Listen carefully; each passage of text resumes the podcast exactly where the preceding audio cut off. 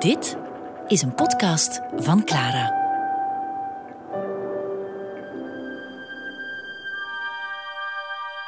...10 november, 23 uur.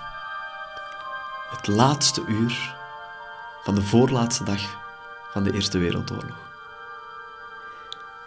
En op dat moment staan twee Belgische steden op het punt om bevrijd te worden. Gent is omsingeld en in Bergen zijn de Canadezen dichter en dichter bij het stadscentrum aan het geraken. En in Gent gaat het plotseling heel snel. Meer en meer mensen durven naar buiten komen en zien dat er bijna geen Duitsers meer zijn.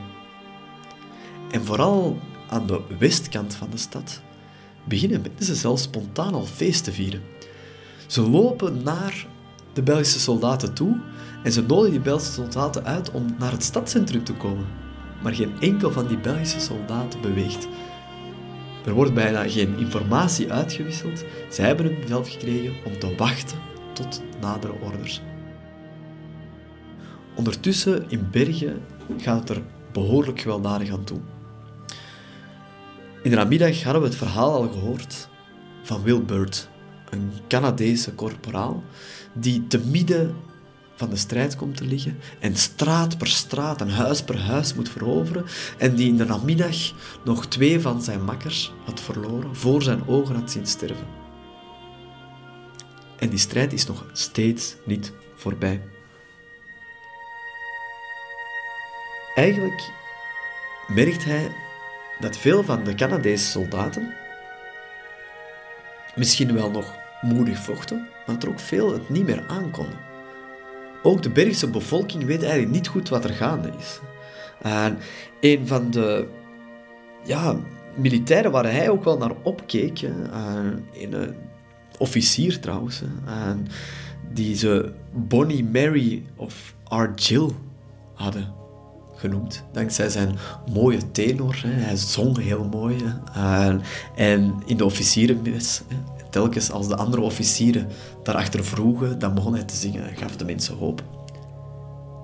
Nu, dat bekende lied, dat was die man al lang niet meer aan het zingen. Want Will Bird schrijft in zijn dagboek... Nu lag hij op een zetel in een huis, te dronken om nog recht te staan. Dus verschillende van de Canadese militairen, die waren gewoon binnengedrongen in huizen, troffen daar Bergense mensen aan en waren daar gewoon beginnen vieren. Beginnen zuipen, zou je kunnen zeggen. Een heel vreemde situatie, want ondertussen is Bergen nog altijd niet bevrijd en wordt er constant over en weer geschoten. Het is 23.30 uur 30 wanneer Bill Bird samen met zijn peloton het stadscentrum nadert. En Ineens doemt daar een oude man voor hen op. Een Belg die vertelt dat er ergens in een huis, in een café, hè, nog, nog Duitsers zitten. En dat dat café ook van een vrouw is die met de Duitsers had samengewerkt. En, die Canadezen gaan met die man mee. Hè. En, ze gaan die kelder in. En met zanklampen kijken ze en zien ze mensen liggen. Maar het zijn duidelijk geen Duitsers waarschijnlijk mensen die daar verscholen zaten. Uh, maar ze zien ook een, een, het kelderraam openstaan, die zijn misschien wel gevlucht. En ze komen terug naar boven hè, uh, en ja, een beetje teleurgesteld dat ze niet de vangst van hun leven hebben gedaan. En dan plotseling verschijnt daar een vrouw, de cafébazin. En in zijn dagboek beschrijft hij wat er dan gebeurt. Daar botsten we op een blonde vrouw in nachtkledij. Ze was furieus, ze spuwde me bijna onder. Ze beval me het etablissement te verlaten. Bij het nemen van mijn geweer stootte ik een dozijn flessen uit haar voorraad op de vloer. Ze besprong mij, waarop Brown een halve inch staal in haar dik achterste planten.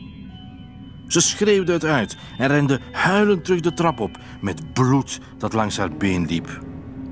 De Belg, die ons naar daar had geleid, leek teleurgesteld dat we haar niet doodgeschoten hadden is een heel bizar voorbeeld van ja, de straatrepressie die al tijdens de bevrijding van zo'n stad begint. Die oude man, die had het heel duidelijk gemunt op die vrouw. Die vrouw die al dan niet had samengewerkt met de Duitsers. Hè. En, maar ja, een soort van gevoel.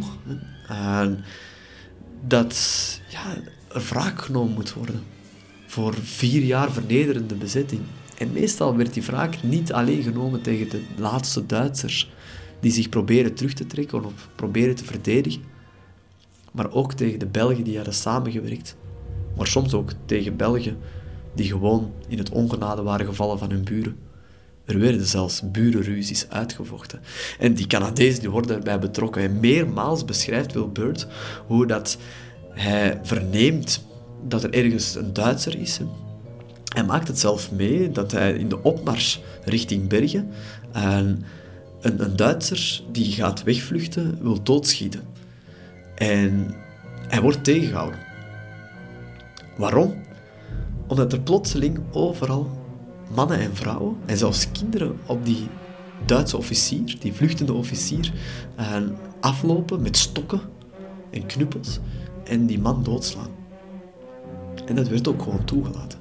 Dus er was een soort van wraak. En ook, we moeten dat ook begrijpen, die, die, die Duitse bezetting vier jaar lang is, is ook wel ontzettend, niet alleen vernederend geweest, maar ook alles vernietigend. Alles werd opgeëist.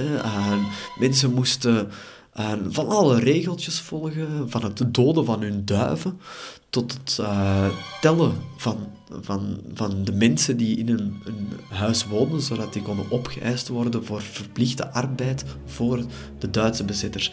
En in die laatste oorlogsnacht, als dan eindelijk die Canadezen daar verschijnen, is het moment voor wraak gekomen. Maar niet alleen voor wraak, ook voor feest.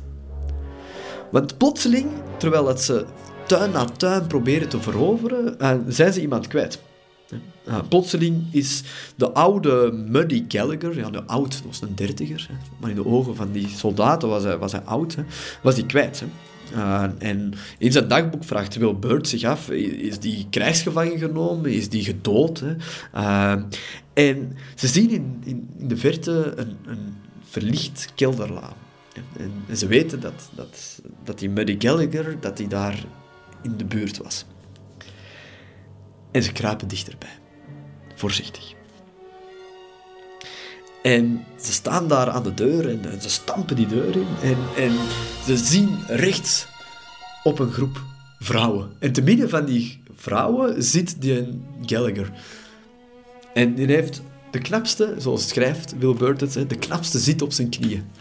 En een andere vrouw zit met de armen rond zijn stoere soldatennek. Hè. Uh, en en die, die vrouw die had zijn wapenzagen afgepakt en zijn helm en zijn gasmasker. En, en die waren eigenlijk uh, zijn spieren aan het bewonderen en zo verder. Hè. Natuurlijk weer al wat geromantiseerd achteraf waarschijnlijk. Hè. Maar het beschrijft toch hoe, hoe bizar dat die, die nachtelijke bevrijding van Bergen is verlopen. Je hebt enerzijds wraakacties, anderzijds feesten, maar natuurlijk ook gewoon constant dat geweld. Want verschillende mensen worden nog gedood. Canadezen, Duitsers, maar ook Belgen, die terechtkomen in het spervuur en misschien zelfs door Canadese en Britse kogels sterven.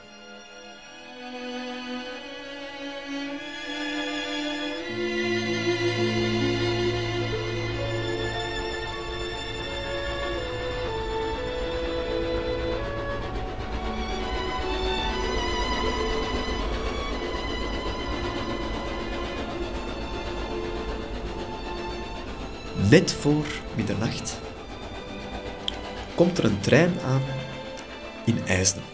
Het Nederlandse grensdorpje waar al ja, meer dan twaalf uur lang de Duitse afgezette keizer stond te wachten op een mogelijke asielverlening door het neutrale Nederland. De trein die daar aankomt, komt vanuit Den Haag en voert de vertegenwoordigers mee die officieel de Duitse keizer moeten gaan ontvangen. En een van hen is Jan Kan. En hij weet eigenlijk niet zo goed wat hij moet verwachten. Hij weet dat die Willem II, wat voor een figuur dat is, dat dat een autoritaire man is.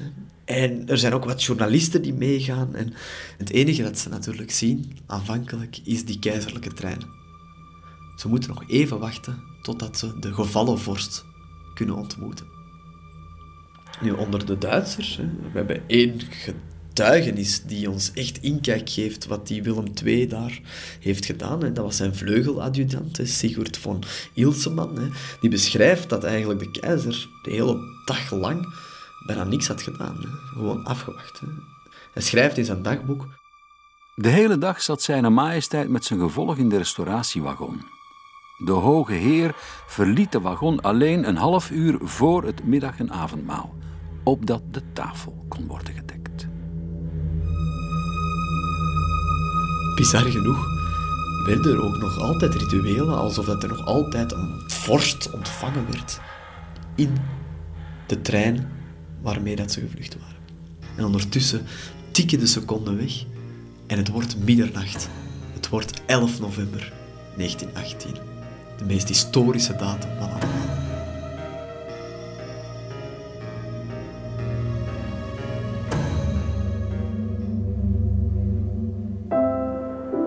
Ontdek ook onze andere podcasts via clara.be. Clara Podcast. Blijf verwonderd.